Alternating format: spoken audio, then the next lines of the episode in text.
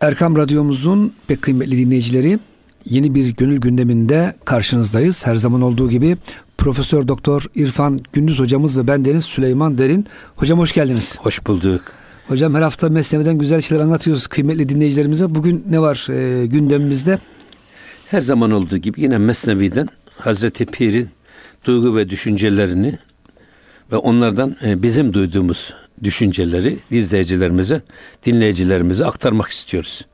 Güzel şeyler var. Elhamdülillah hocam. Yani böyle e, her beyt ayrı güzel. Gerçekten kulaklarımıza küpe olacak kadar değerli ama sadece lafta kalmayıp da hayatımıza yansıması gereken tavsiyeler. Eyvallah hocam. Yani e, sadece bilmek yetmez, yaşamamız gereken düşünceler. Bunları çok güzel ifade ediyor Hazreti Mevlana. Ee, o konuları değerli dinleyicilerimize arz etmek istiyoruz. Burada e, şöyle buyuruyor bakın. Hani meşhur bir Tuti hikayesi var.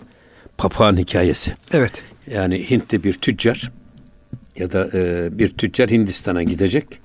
Evinde de çok güzel bir papağanı var. Belki de konuşan bir papağanı var. E, bütün evdeki bütün hizmetçilerine falan diyor ki bak ben Hindistan'a gideceğim. Dileyin benden ne dilersen gelirken alayım geleyim. Biraz da kerem sahibi bir tacir. Papağan'a da soruyor. Papağan da diyor ki ben Hindistan'dan geldim. Asıl vatanım orası. Sen oradakilere git benden selam söyle diyor. Benim halimi de onlara arz et. O da bakıyor ki e, çölde geçerken bu arada e, papağanlara rastlayınca duruyor, iniyor şey hayvanından. İşte diyor ki ey papağanlar bak benim de bir papağanım var çok güzel. Kendi köşkümde, kaşhanemde efendim e, kafesinin içerisinde size çok selam söyledi.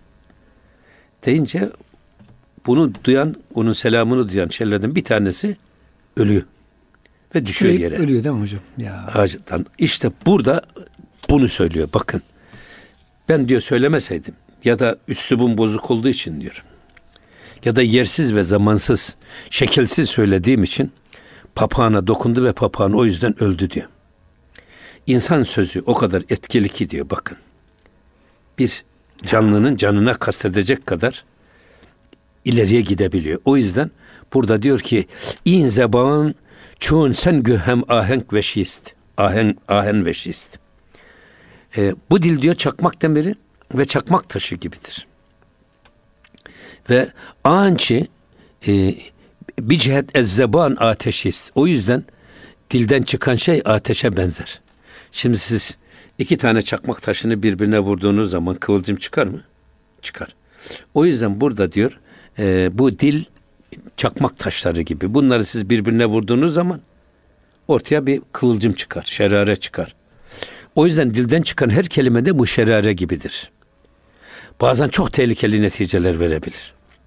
O yüzden söz, söz ola kese başı, söz ola kestire savaşı, söz ola ağılı aşı, bal ile yağ ede bir söz diyor ya Yunus Emre.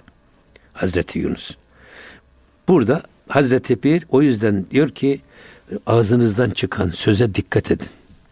Söz çakmak taşından çıkan kıvılcım gibidir. Hele bir de diyor siz pamuk tarlasında dolaşıyorsanız, yanıcı ve tutucu maddelerin yoğun olduğu çevrede bulunuyorsanız ağzınızdan çıkan her lafa çok dikkat edin. Hiç kimseyi kırmayın, üzmeyin, incitmeyin. O yüzden söze dikkat etmek lazım. O yüzden hatta diyorlar ki Evliyaullah e, bak bize iki defa biz bakacağız.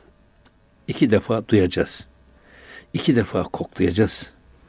Düşüneceğiz bir de ondan sonra konuşacağız. Çünkü hocam iki kulağımız, iki gözümüz, iki Evet. e, burun deliği Evet. olduğu için hep iki O ikişer yüzden- tane, yüzden- ha. ağız bir tane. Ağız bir tane ama bin defa düşünüp bir defa söylemek lazım. Çünkü ağzımızdan çıkan laf e, tabancadan çıkan mermi gibidir.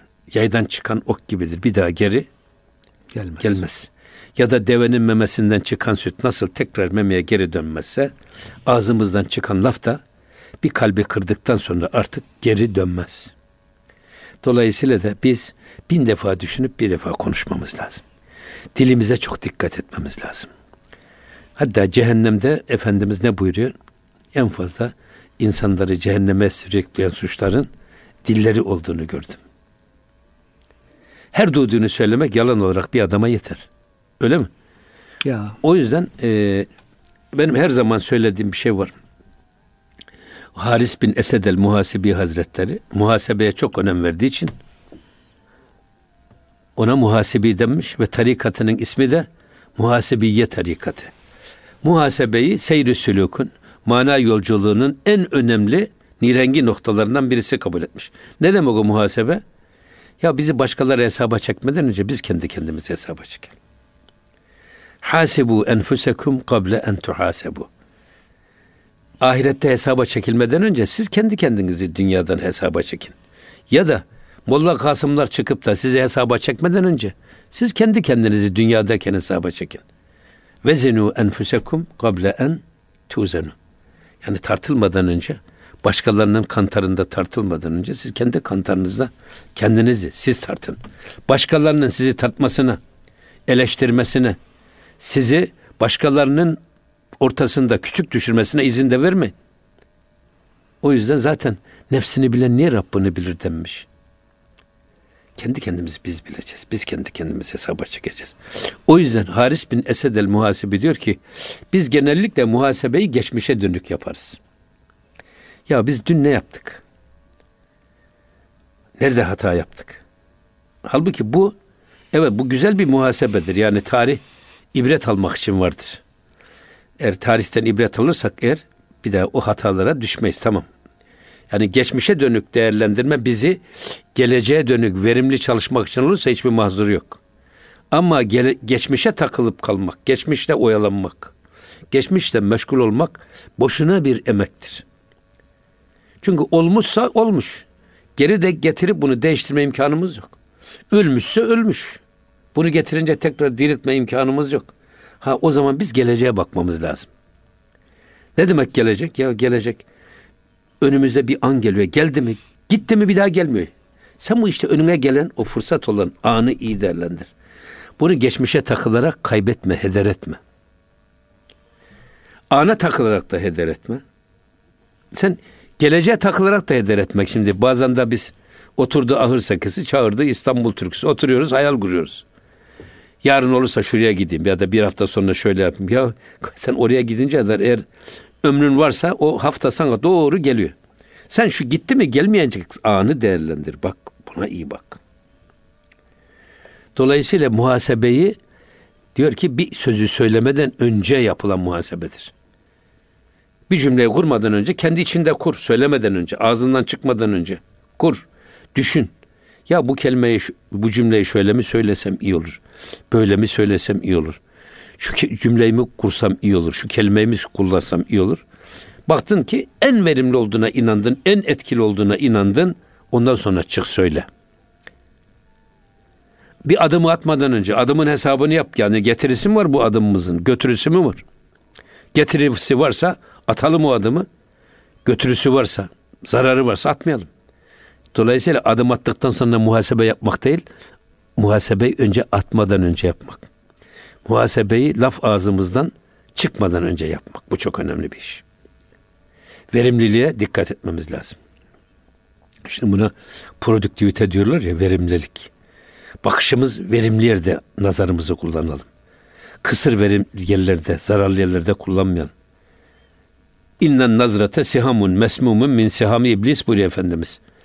Harama her bir bakış şeytanın zehirli oklarından bir oktur. Ten kötü ala kulubikum kalbinizde bir nokta bırakır. Bak bir leke bırakır. O yüzden nazarımızı da iyi kullanacağız. Kulağımızı iyi kullanacağız. Ağzımızı iyi kullanacağız. Sözümüzü iyi kullanacağız. Burada yine devam ediyor bakın. Ee, Sengü ahen ra mezen berhem güzaf geh ziruyi naklu geh ezruyi laf. Bak diyor ki bu e, çakıl ta, şey, çakmak taşlarını ister lafı güzaf kabilinden yani konuşmak için konuşmak. İstersen e, bir olayı nakletmek ya da bir şey söylemek için e, öyle aklına estiği şekilde kullanma. Ağzına geleni konuşma. Aklına geleni söyleme. Ya önce bir düşün bir taşın. Bir tart. İnsanın boğazının altında 40 boğum, 40 boğum bulunurmuş derler ya. Ya 40 defa düşün ondan sonra söyle ne olur? Her boğumda biraz o laf beklesin. Beklesin. Gerekli mi gereksiz mi hocam? Olgunlaşsın. konuş. Olgunlaşsın. Tabii yani. Şimdi hocam hakikaten Mevlana Hazretleri'nin edebiyatı çok güçlü yani çakmak taşına benzetiyor. Kıvılcım diyor her kullandığımız kelime. Tabii. Ve hocam bugün e, pek çok ateşin altında bu kıvılcımlar yatıyor. Yani bir aile bir yerde parçalanmışsa, hocam bir yerde bir cinayet işlenmişse çoğu zaman birinin böyle bir ters lafı, bir küfürlü sözü, e, trafikte işte bir hakareti diğerine çekip vuruyor herif hocam. Ya o anda dilimizi tutabilsek, e, sahip olabilsek kendimize suçların çoğu e, ortaya çıkmayacak maalesef. Tabii zaten e, ayet-i kerimede Estağfirullah vel kazımînel gayza Ve afine. o kezım nedir? Kezım biliyor musun? Testenin ağzını kapatmak. Hatta bazen bu ispirto şişesinin ağzına bir mantardan şey yapıyorlar ya. Evet. O mantardan kapatmak. Ama zor değil mi hocam? Tabii. Çok zor. Zorun Vel kazımînel gayza insanın kinini ağzına kapatarak, ağzına mantarla kapatarak kinini yutması, hıncını tutması. Aksi halde ne olur biliyor musunuz insanlar hırslarıyla, öfkeleriyle hani e, öfkeyle kalkan zararlı oturur. Çünkü düşünme kayboluyor. Şuur kayboluyor.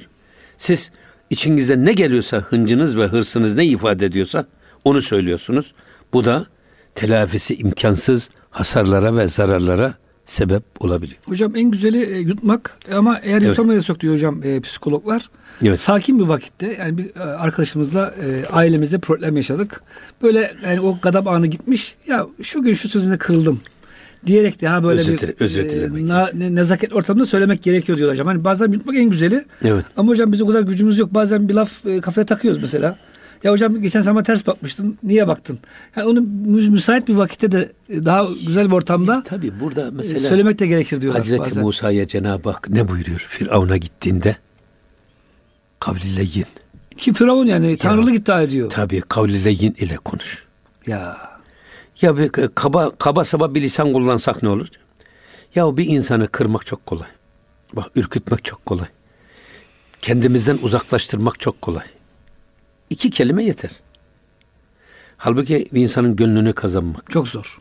insana dost edinmek, onun dostluğunu kazanmak çok zor.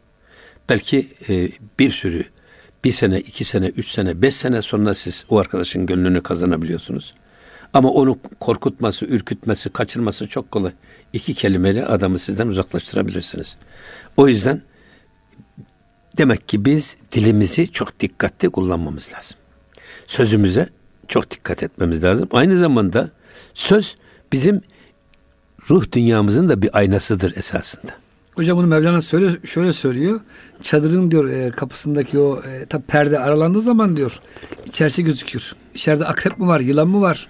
Yoksa güzel bir şey mi var? Çok güzel. Yani evet. ağzımızdaki evet. dil diyor böyle dil perdesi e, aralandıkça oradan kalbimiz e, görünür diyor hocam Mevlana. Evet. Evet. Evet. Bakın yine devam ediyor bakın. Zan ki tarihi kestü her su pembezar. Dermiyanı pembeçun üftet şerar.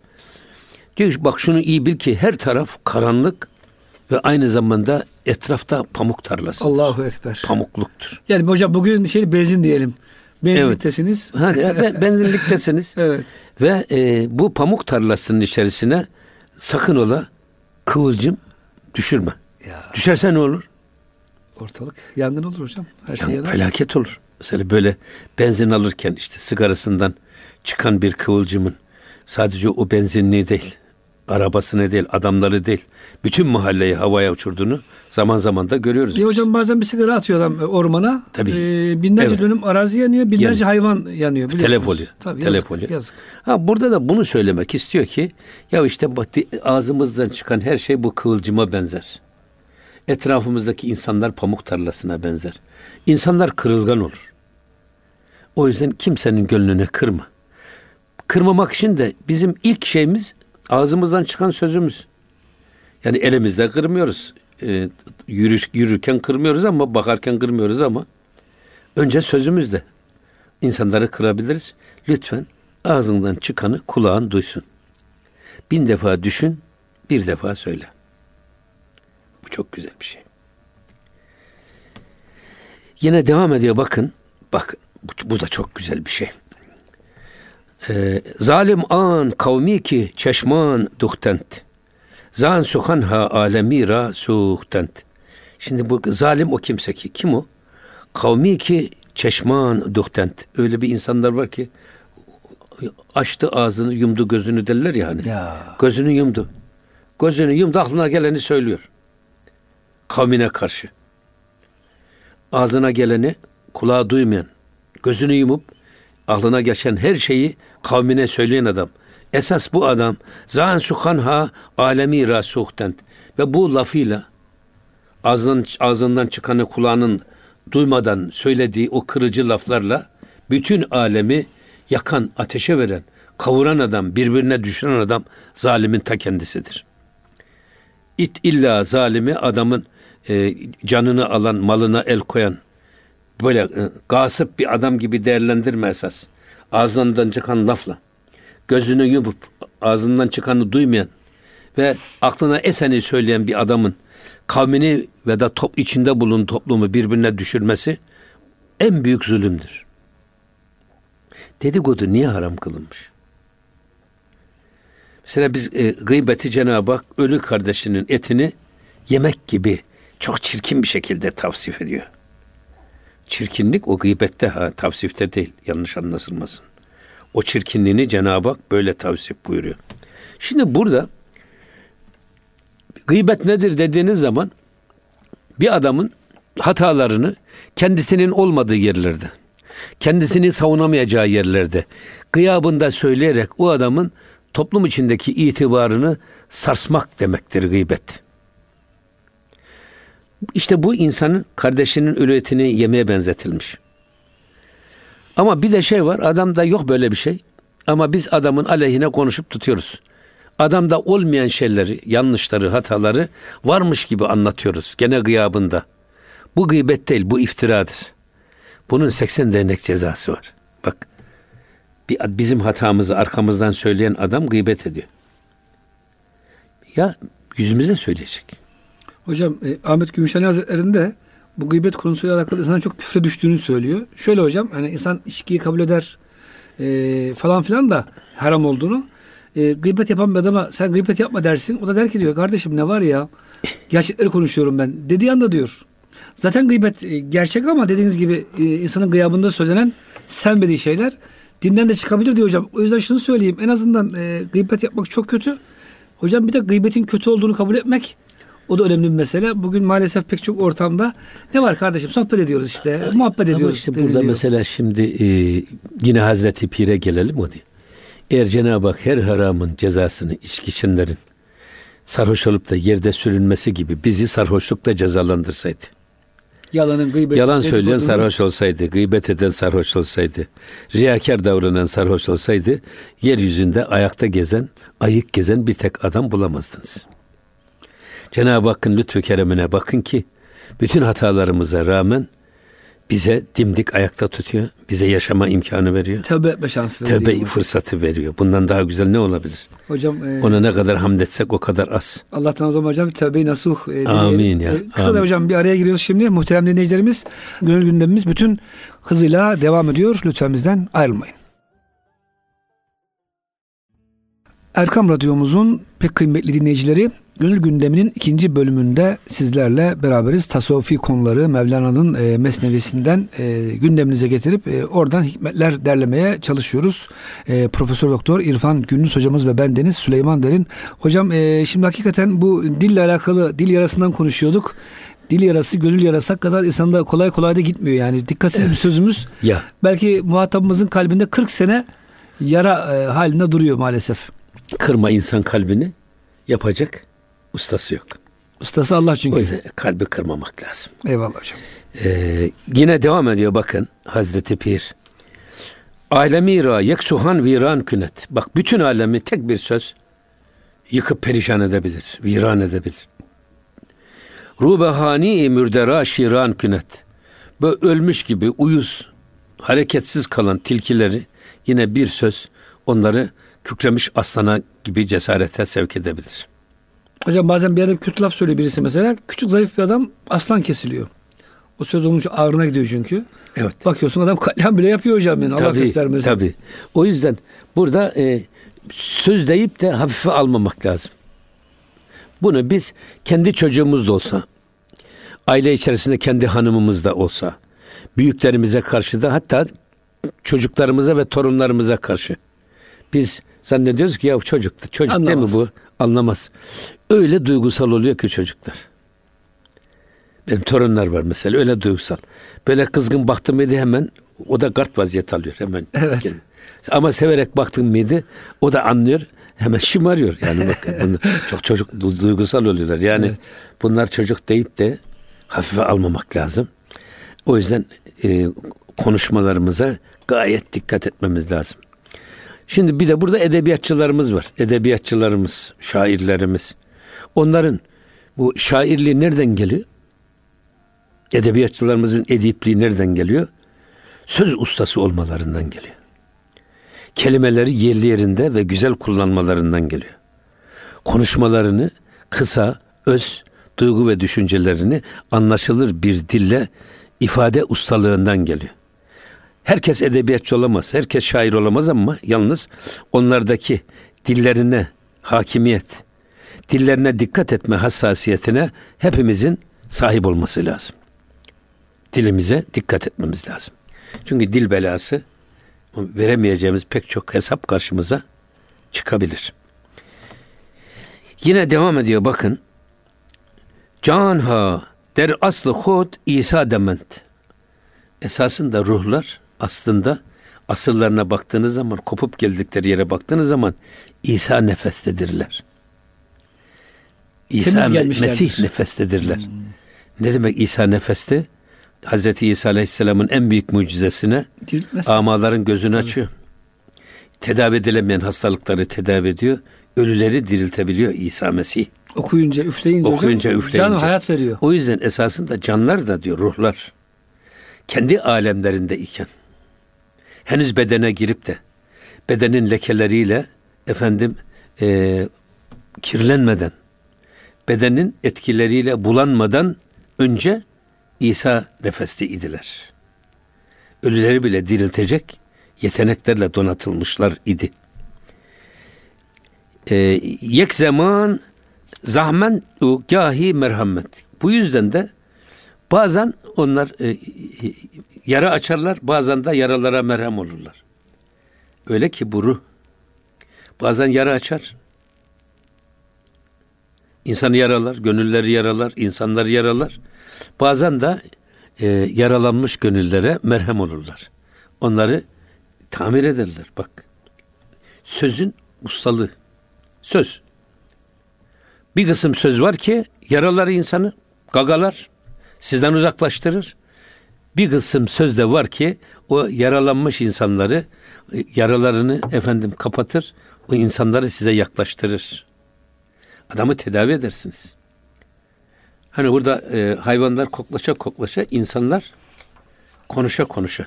Öyle insanlar var ki konuşarak, demin siz çok güzel ifade ettiniz şeyi Hazreti Mevlana'dan.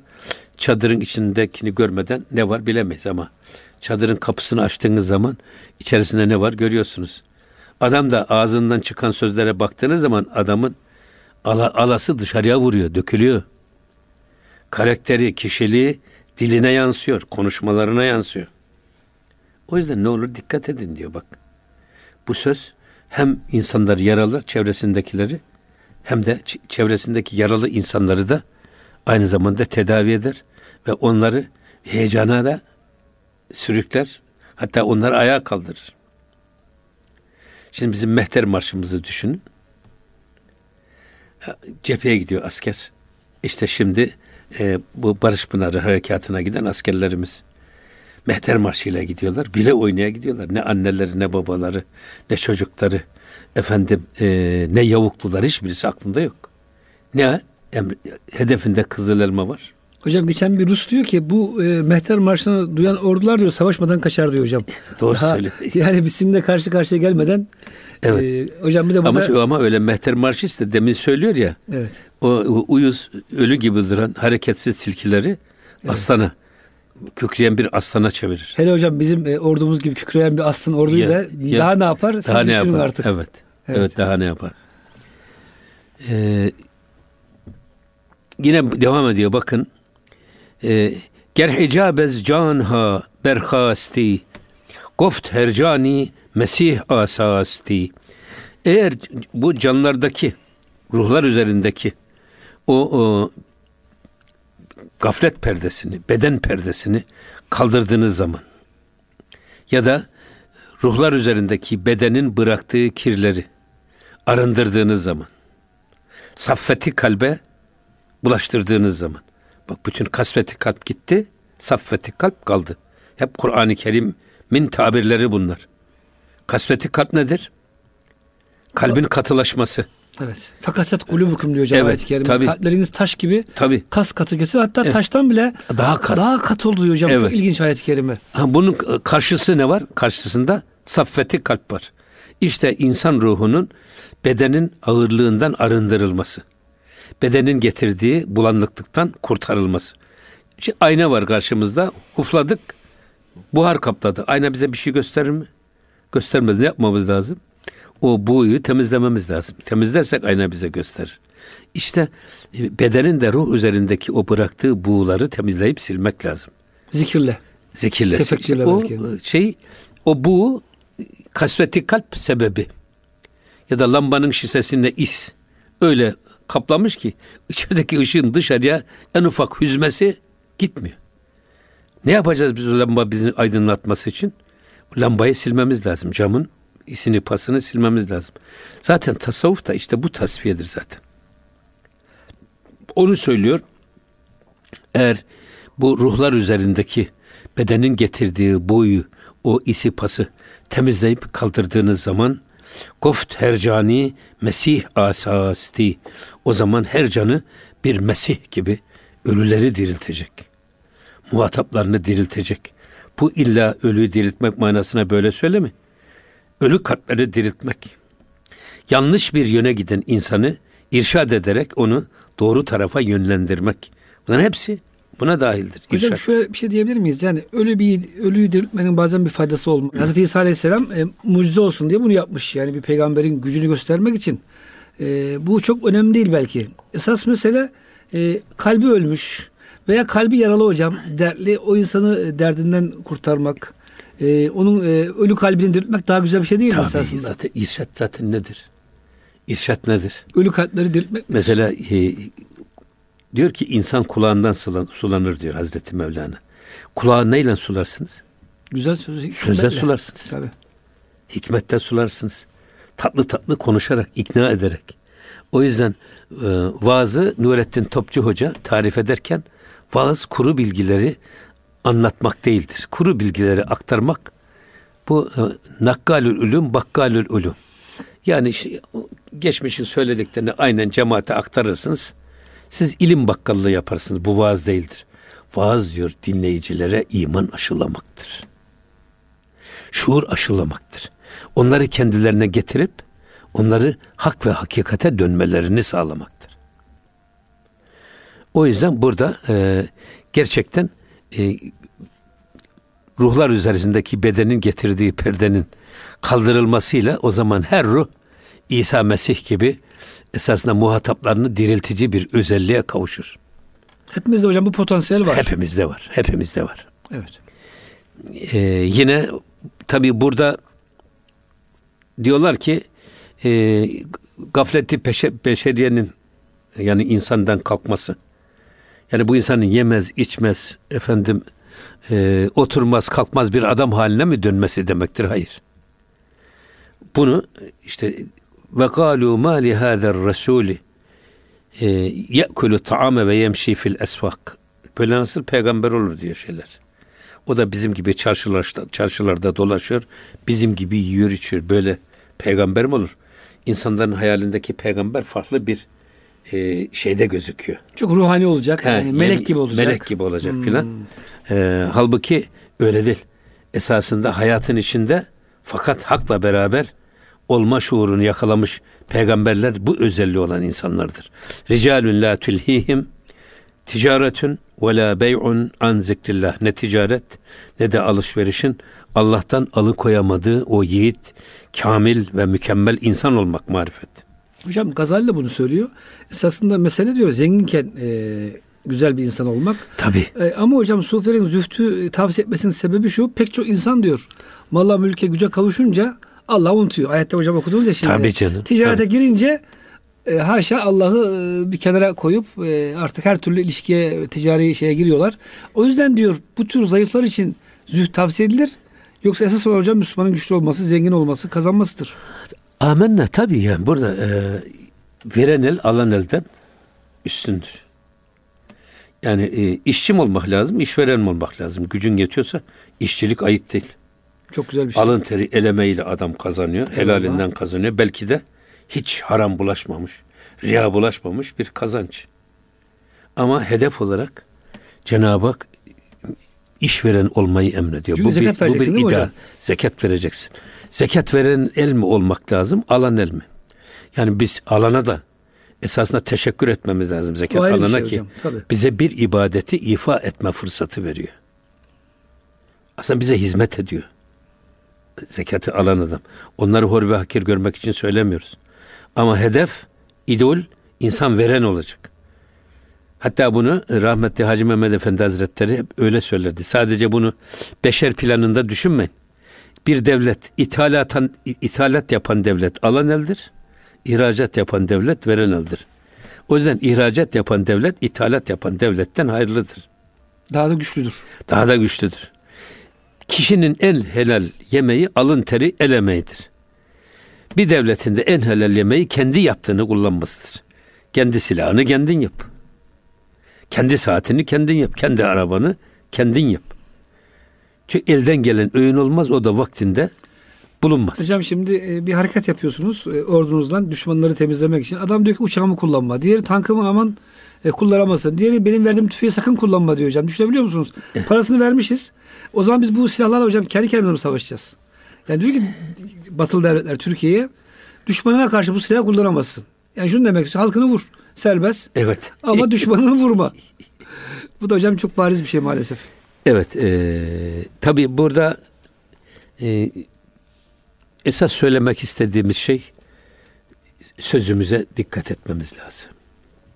Eğer biz e, hissi planda hislerimizden arındırılmış, hıncımızdan arındırılmış, kinimizden arındırılmış ki bizim e, öyle güzel sözler var.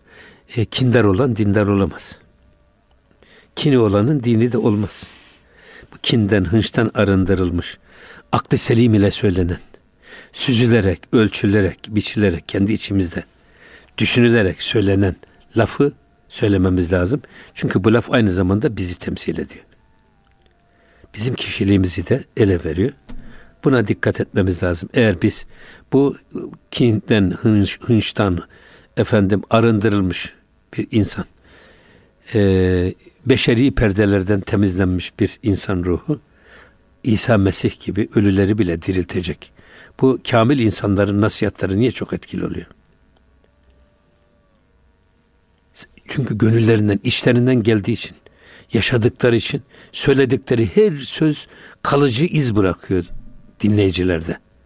Çünkü onlar kulağından giriyor, ta iliklerine kadar işliyor. O kadar samimi söylüyorlar ki. Ben bunu hissediyorum bazı şiirlerde görüyoruz.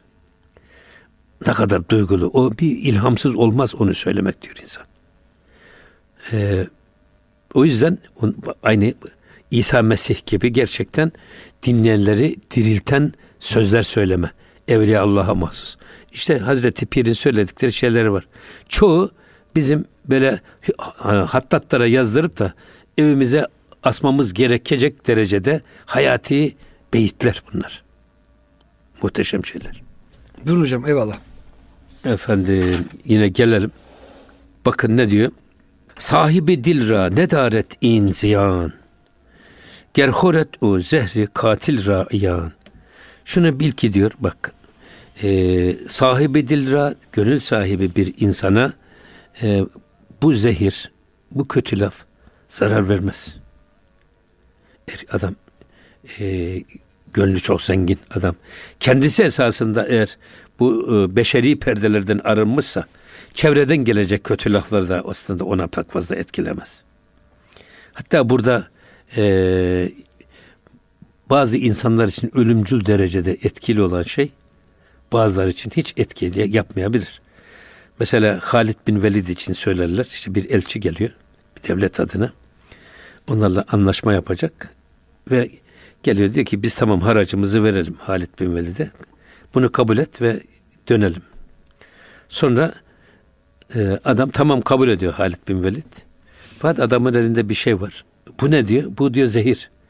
Eğer bizim bu teklifimizi kabul etmeseydiniz ben kendi toplumuma böyle e, dediğini kabul ettirememiş. Ezik bir olarak dönmeyecektim. Dönmeyecektim. Hmm. O yüzden kendimi bu zehirle öldürecektim deyince Halid bin Velid alıyor. Besmele ile o zehiri içiyor. Hiç de bir şey olmuyor. O adama şey gösteriyor yani. Bu, bu, bu, hadis, gücünü ha, gösteriyor. bu hadiseye bakarak diyor ki esas gerçek manada hmm. dil sahibi, gönül sahibi olan bir adam. Ruhunun üzerindeki bedeni kirleri arındıran bir adama esasında hiçbir şey öyle kolay kolay zarar vermez.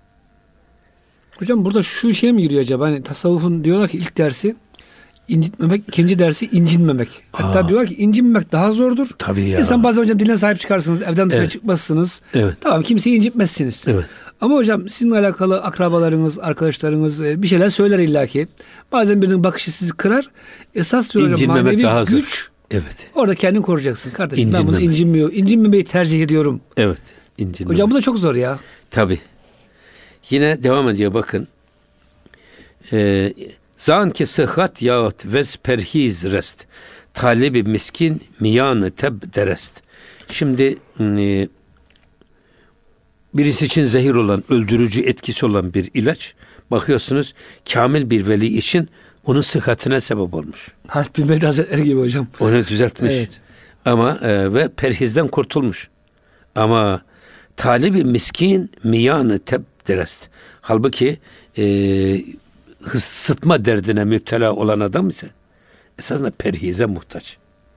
Adam tir tir titriyorsa bu adam belli gıdalardan onu uzak tutacaksın. Ancak o perhizle düzelir. Ama öyle bir adam bakmış e, Harputlu Tevhid, Tevhid Tevfik isminde birisi kızı rahatsız, hasta. Ona doktor e, perhiz tavsiye ediyor. O da diyor ki hayır benim bu kızım diyor e, bulgurla hep büyüdü çocukluğunda. Onun bulgurla beslenmesi lazım. Bulgur yediriyor ve kızı ölüyor. Allah Allah. Şimdi sen yani süt bebesine süt yerine simit verirsen ne olur? Ölür. Ölür Boğazına çocuk. kaçar. Ölür. Öyle şey olur mu? Ama bazıları için perhiz kurtarıcıdır. Diyet rejim kurtarıcıdır. Bazıları için de öldürücü neticeler hasıl edebilir. Bunu kim takdir edecek? Doktor takdir edecek. Veya Tabip mürşidi kamil değil mi hocam? İşte, mürşit ta- takdir meseleler. edecek. Evet. Eyvallah. Bizim gönül derdimize uygun ilacı e, dozunu, efendim zamanını, sayısını ayarlama yetkisi o mürşide ait olacak. O zaman hocam e, Mesnevi'den şu sizin sık sık okuduğunuz beyitle bitirelim e, programımızı. E, yani fiziki bedeni hastalıklarımızı tabipten Aa, benim, benim, benim değil mi? O Hazreti Mevlana. Mevlana diyorum hocam. Siz sık Mevlana'nın sözünü diyorum. Evet ya. Habib'ten. Gönüllerin derdi Habib'ten, evet. bedenlerin derdi tabipten öğrenilerek tedavi edilir. Muhterem dinleyicilerimiz lütfen yanlış yere gitmeyelim. Ee, evet. E, mesajıyla hocam e, Gönül Gündemi'nin programını bugün burada sona erdiriyoruz. Bir sonraki haftada buluşuncaya kadar hepinize Allah'a ısmarladık.